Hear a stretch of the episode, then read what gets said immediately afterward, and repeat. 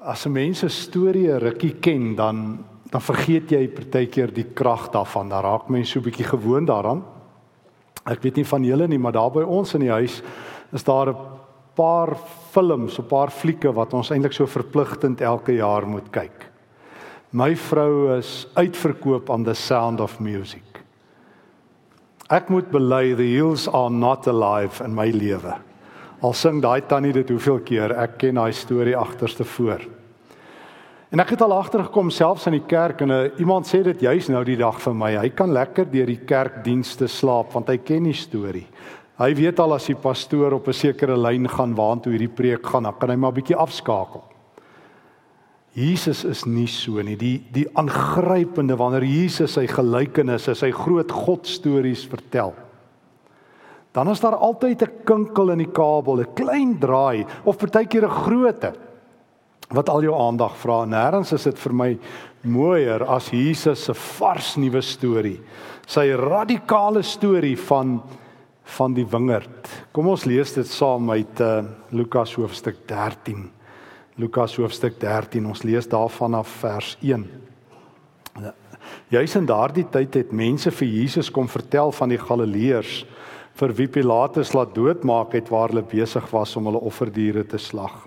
Toe antwoord Jesus hulle: Dink julle dat hierdie Galileërs groter sondaars was as al die ander Galileërs omdat dit met hulle gebeur het? Nee sê ek vir julle. Maar as julle julle nie ook bekeer nie, sal julle net soos hulle ook almal omkom. Of daardie 18 wat dood is toe die toring van Siloam op hulle ineengestort het? Dink julle dat hulle skuldiger was as al die ander inwoners van Jerusalem? Nee sê ek vir julle, maar as julle julle nie bekeer nie, sal julle net soos hulle ook almal omkom. En nou vertel hy vir hulle hierdie storie, die gelykenis wat ons aandag vra vandag. 'n Man het 'n vyeboom gehad wat in sy wingerd geplant was. Toe hy vrugte daaraan kom soek, maar niks kry nie, sê hy vir die tuinier: "Kyk, dis nou 3 jaar dat ek aan hierdie vyeboom vrugte kom soek en ek kry niks nie. Kap hom uit." Waarom moet hy langer die grond uitput? Maar die tuinier antwoord: "Meneer, laat hom nog hierdie jaar staan. Ek sal die grond rondom hom omspit en bemes. Miskien sal hy dan volgende jaar vrugte dra, maar so nie kan hy hom uitkap." Ons gaan volgens sien Jesus verander die bekendste een van die bekendste stories in Israel redelik dramaties. Israel het baie wingerd stories. Hulle weet van God se wingerd. Uh, trouwens toe Jesus begin met die wingerd storie, toe sê die meeste ouens seker o wêreld ons ken hierdie storie. Ons kan nou 'n bietjie afskakel. Kom ons lees net hoe die bekendste wingerd verhaal in Israel geklink. Jesaja 5 vers 1 tot 7 ons lees dit ook saam. Ehm um, ek wil sing oor hom wat ek liefhet. Ek wil my liefdeslied sing oor sy wingerd. Hy wat ek liefhet besit 'n wingerd op 'n vrugbare heuwel hy het die grond omgespit en die klippe verwyder dit beplant met veredelde wingerdstokke Hy het 'n wagtoring daarin gebou en 'n parskyp uitgekap. Hy het verwag dat dit goeie druiwe sou dra, maar toe bring dit druiwe voort wat suur bly. En nou inwoners van Jerusalem en manne van Juda, beslis tog tussen my en my wingerd. Wat kan ek nog vir my wingerd doen wat ek nie reeds gedoen het nie? Wat is dan die rede dat dit suur druiwe voortbring terwyl ek verwag het dat dit goeie druiwe sou dra? Ek maak julle nou bekend wat ek met my wingerd gaan doen. Ek gaan die doringheiding verwyder en afverbrand, sy muur afbreek sodat die wingerd vertrap kan word. Ek gaan hom tot niet maak. Hy sal nie meer gesnoei of geskoffel word nie, maar ingeneem word deur doringbosse en onkruid. Ek sal die wolke verbied om daarop te reën. Die wingerd van die Here die Almagtige, die wingerd wat hy geplant en waarna hy hom wou verlustig, is die Israeliete die volk van Juda. Die Here het verwag dat daar reg sou wees, maar daar was net onreg, dat daar geregtigheid sou wees, maar daar was net die hulp geroep van verontregtes. Jeremia 12 vers 10 het ook 'n wingerd storie, net so een vers. Die baie regeerdes het my wingerd verniel, my lande vertrap, my pragtige land 'n verlate woestyn gemaak. En toe Jesus hierdie storie vertel, toe sê almal, ons ken die storie. Jy hoef dit nie weer 'n keer te vertel nie. Ons weet hierdie storie loop min of meer soos volg. Ons is God se wingerd. Die wingerd het misluk, die einde. God het 'n wingerd, die wingerd misluk, the end. Daar is nie 'n ander weergawe van hierdie storie in die Ou Testament nie. En Jesus sê ek kies om te verskil.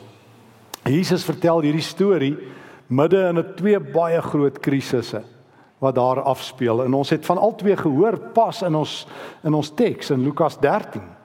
Pontius Pilatus, die goewerneur van die Romeine, het pas 'n klompie Galileërs vermoor en almal is geskok dat 'n politieke leier so wreed kan wees. En net daarna die hoofnuus gebreek dat die toring daar in Jerusalem omgeval het, die Siloam toring. En 18 mense is in een slag dood. En nou dat hierdie hoofnuus breek, wonder almal nou waar's God en hoekom laat God dit toe en is daar 'n doel met alles? En dan sê Jesus, laat ek vir julle 'n storie vertel. Kom ek wys julle God se hart. Kom ek vertel julle van die wingerd. Dan sê die mense, "O, ja, ja, ja, ja, ons ken die storie. God hou nie van ons nie. Die wingerd het misluk en Jesus sê, "Nee, eendag was daar 'n vrye boom." En dan sê almal, "Wag, wag, wag." Nee, dit is altyd drywe. Jy het die storie verkeerd. Jy kan nie 'n vye boom storie vertel as Israel se storie 'n drywe storie is nie. Ek onthou my kinders toe hulle klein was, dalk moes julle ook vir julle kinders stories vertel of dalk doen julle dit nog steeds. Ehm um, ek onthou ek het een keer vir my my oudste dogter sê wou 'n storie reg hoor. Toe sê sy: "Pappa, daar is nie drie varkies by Rooikappie nie." Toe sê ek: "Daar is." Sy sê: "Daar is nie. Kry mamma om die storie te kom vertel." Nou, dis soos die Israeliete voel. Hulle sê Jesus, daar is nie 'n vrye boom nie. Jesus sê dis my storie bly uit my storie uit. En hy gaan aan, hy sê en eendag toe die eienaar kom vrugte soek en hy nie tuinier so deur die wingerd loop. Hulle stop hom weer en sê Jesus daar. Nee nee nee nee nee, daar was nog nooit 'n tuinier nie. Daar was net 'n eienaar en 'n wingerd wat misluk. Jesus sê daar's nou 'n tuinier. Hulle sê nee, daar is nie. Hy sê daar is. As nou 'n tuinier in die storie. Wie is die tuinier en wie is die eienaar? Dis maklik, né? Ons weet. Die eienaar is God. Tuinier Jesus. Maklik. En ons weet toe Jesus aarde toe gekom het, toe hy begin preek in Lukas 4, was sy eerste woorde daardie aangrypende woorde wat hy in in in Nasaret vertel as hy daar in die sinagoge is, as hy sê, as hy die boekrol van Jesaja vat en sê die genadejaar van die Here het aangebreek, God se bonusjaar, God se jaar van uitstel en afstel, God se vreugdejaar het aangebreek. Daar's 'n tuinier in die wingerd. God het iemand gestuur om sy bankrot besigheid te red. Hierdie aardse wingerd wat nie vrug dra nie, sal tot 'n einde kom. Dis God se bonusjaar. Dis 'n jaar van van oorstroming. Die vloedhekke van die hemel is oop, die sluise is oopgetrek. God kan dit nie vat dat daar droogte op die aarde is nie. Sy seun het gekom met reën. Hy is die lewende water. Hy het gekom met brood, hy is die lewende brood. Hy het gekom met lewe, hy is die lewe. Hy het gekom as die waarheid. Daar is weer hoop. Vandag sê Jesus het hierdie woorde waar geword. Daar's 'n tuinier op die toneel en dit verander alles. En Jesus vertel verder, hy sê toe hy deur die wingerd kom loop en hoeveel bome dra nou nie vrug nie in Jesus se storie? 1. Net 1. Hoeveel bome het in die Ou Testamentiese storie nie vrug gedra nie? 100% skokkend. Hulle sê Jesus hierdie storie heeltemal verkeerd. Nie een boom dra vrug nie. Jesus sê waar ek werk, waar die tuinier werk, is die sukses op na ten minste 99%. Dis 'n skokkende stukkie statistiek wat die kerk nie so goed geken het nie. In elk geval nie my kinders daar nie. Ek het altyd gedink ons is nog steeds deel van die Ou Testamentiese storie as ek ou dominee geglo het en ou pastoor want ons was altyd ons het altyd nie vrug gedra nie. En ons het altyd droog gemaak en ons het altyd te min gedoen vir die Here. En die kerk was altyd in die moeilikheid. Ons het altyd te min geld gehad en te min mense gehad en te min betrokkenheid en te min lewe en jy noem dit en dit was nie daar nie. Dit het vir my gevoel ons is in die wingerd van Jesaja. Ek wens ek het um, Lukas 13 geken toe ek 'n jong ouetjie was. Ek wens my dominee dit geken. Ek wens al die pastore dit geken dan sou dit dalk beter gegaan het in die kerk as ons gehoor het wat Jesus aan 'n storie kan kom doen. Hy vertel nie net stories nie, hy is die storie. Hy word die storie. Hy verander die storie en dan's daar 'n nuwe storie. En net om seker te maak, kom ons kyk gou. Is Jesus konsekwent? Jy onthou 'n ander storie van hom. Onthou jy? Hy vertel 'n storie van 'n skaap Matteus 18, Lukas 15. 'n Skaap wat wegraak. Kom ons kyk gou of of dit konsekwent is. Hoeveel skape raak weg as Jesus op die toneel is? 1. Hoeveel skape bly gevind?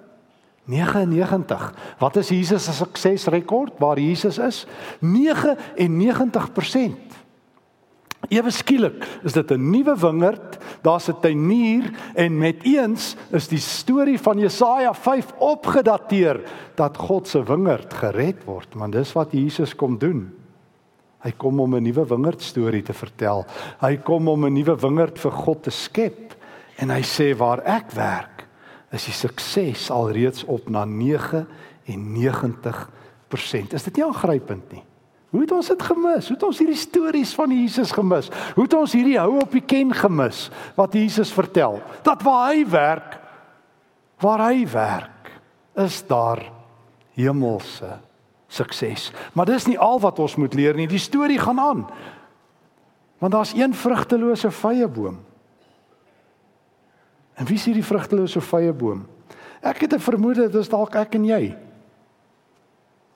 Maar hier is die goeie nuus, genade. En dis ons tweede belangrike punt wat ons in hierdie verhaal leer in Lukas 13. Genade is meer as 'n seisoen van uitstel, dit ook, maar is meer. Want die oomblik as Jesus gaan staan by hierdie vrugtelose vyeboom en God as hulle briek by die een boom wat nie vrug dra nie en die eienaar sê kap dit uit. Dan sê die tuinier, meneer die eienaar, Ek kies om te verskil. Meneer die eienaar, ek het gekom nie vir 99% nie, maar vir 'n volle 100. By my is daar niks minder nie as dit. Ons gaan van 'n 0% na 'n 100%, nie eers 99% is goed genoeg vir die seun van God nie. O, ons is baie tevrede met 50%. Hier staan kan jy selfs minder as dit kry om deur te kom op skool. Ons is baie tevrede daarmee. Jy hoef net die helfte of minder te weet. Jesus vat 100% of niks. Meneer die eienaar, asseblief spaar hierdie boom nog een seisoen.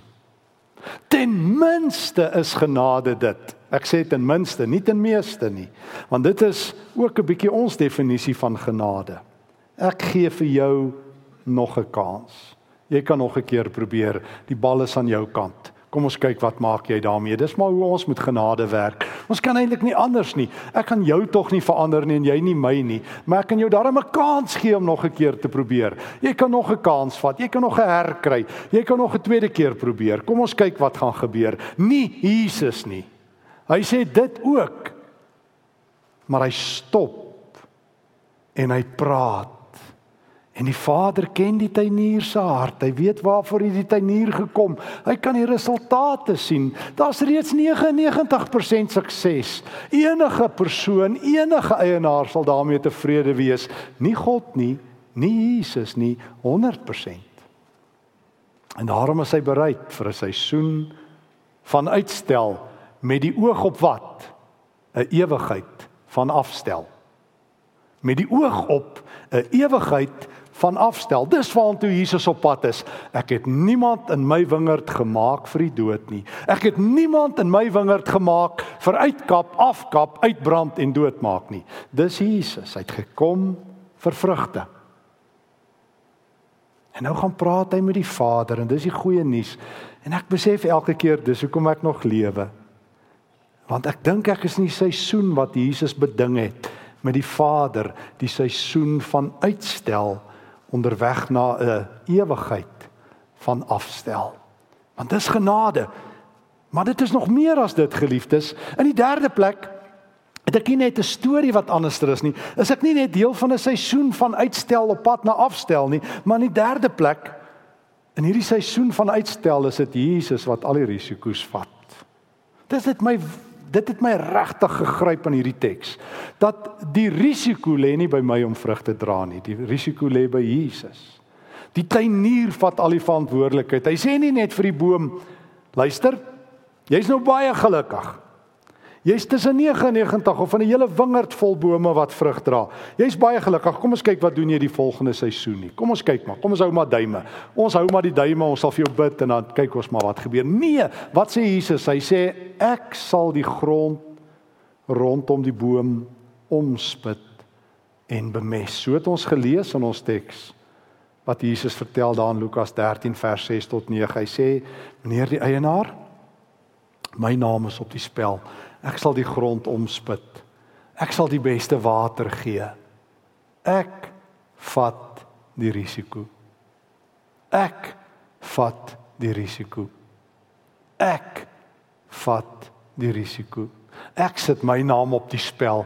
Ek wat uit die hemel uit gekom het om die aardse wingerd te red, want Jesus sê vir die Vader, ek kon dit nie vat dat Jesaja 5 in die Bybel staan nie. Dit het my hart gebreek dat U die God van hemel en aarde 'n veredelde wingerd aangelê het, die mooiste wingerd ooit.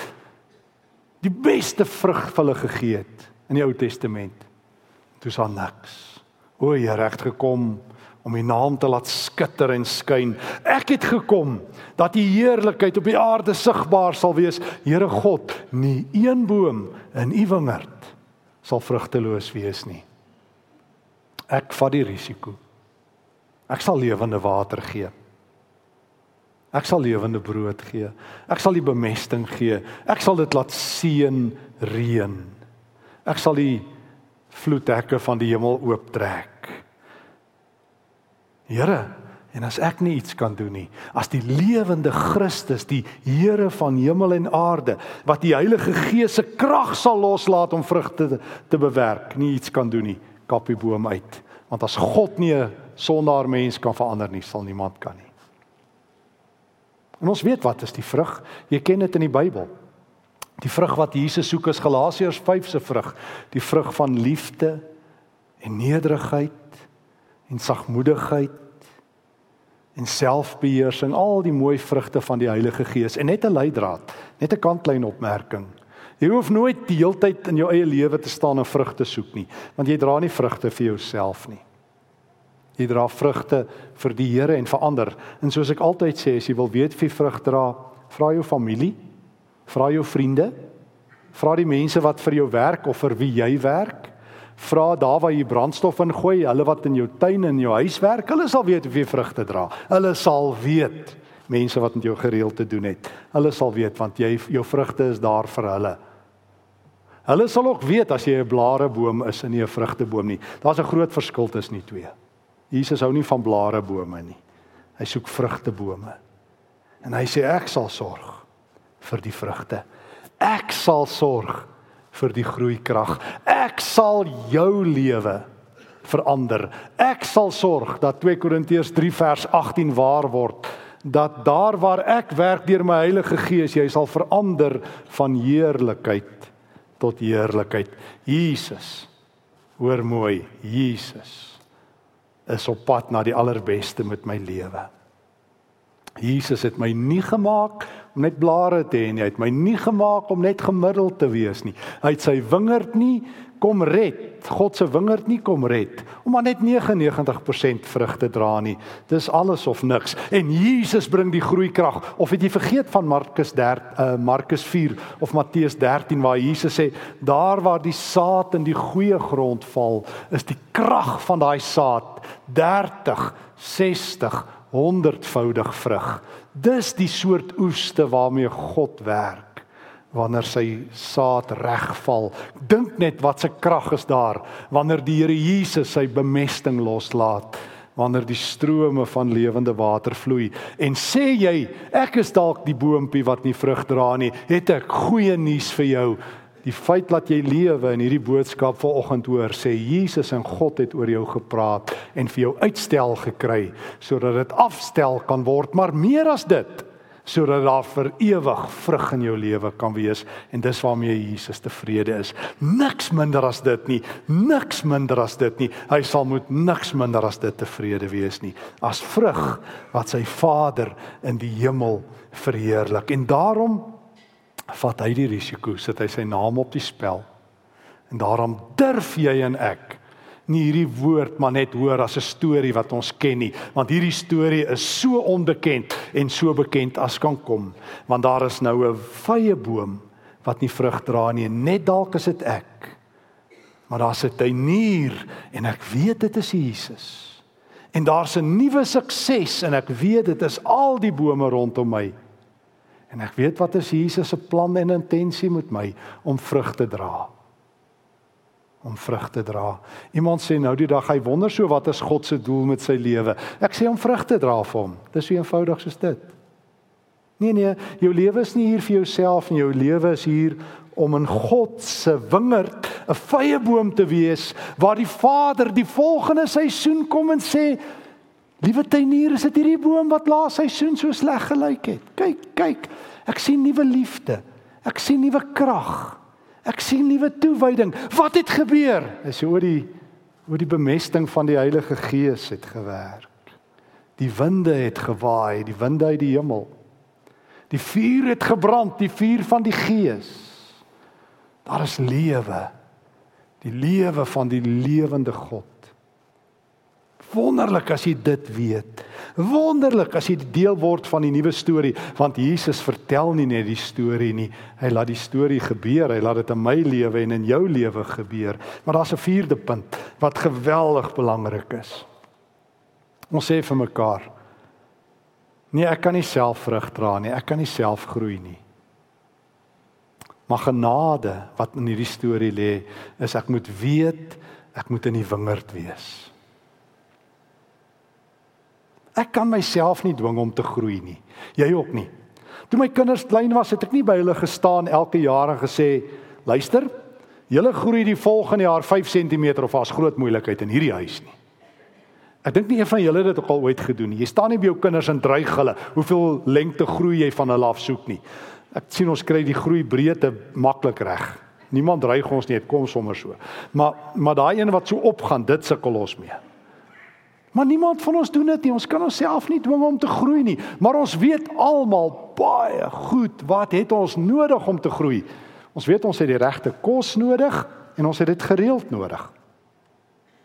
Ons weet ons moet vir ons kinders as hulle gebore is en as hulle klein is, die regte kos gee. Nie 'n pa vat vir sy kinders 'n boks Smarties en 'n klomp chips as hulle gebore is in die hospitaal nie. Jy weet dit gaan nie werk nie. Daar's regte kos, daar's goeie kos nodig en ons is so bevoorreg dalk almal in die kerk dat ons vanmiddag gesonde en goeie kos gaan eet sodat ons kan lewe. So ons weet ons moet onsself in posisies plaas dat ons kan aanhou lewe deur die regte kos. Dieselfde met Jesus. Ek kan myself nie dwing om te groei nie. Ek kan nie sê Stefan ek wil mense meer lief hê en ek wil ek wil die Here meer lief hê en ek wil mense meer dien nie want ek weet ek gaan nie Maar ek kan my plaas daar waar Jesus is. En waar is Jesus? Waar is die tuinier? In die wingerd. So waar moet ek wees? In die wingerd. Waar is die wingerd? Waar Jesus is. Waar's ek? As ek nie in die wingerd is nie, wat gebeur? Draak nie vrug nie. So ek moet sorg dat ek weet waar's Jesus en ek moet hom die hele tyd volg en die hele tyd weet waar Jesus is. Dit is so dit is so aangrypend eenvoudig dat ek wonder Stefan, hoe het jy dit gemis? Hoe het jy gemis? Daar's 'n nuwe storie. Hoe het jy gemis hoe Jesus die storie aangepas het? Hoe Jesus die nuwe storie geword het? Nou hy my deel maak van sy storie. Waar's die wingerd? O, dis waar dit seën reën. Is daar waar die woord is soos vandag. Hier's die wingerd. En daarom wil ek jou waarsku en ek waarsku myself ook. Omdat die Here ten minste vir ons almal wat hier is, ten minste op die minimum 'n jaar van uitstel, 'n seisoen van uitstel bewerk het. Op die minimum. Want sê nou maar net ons is daai een boontjie.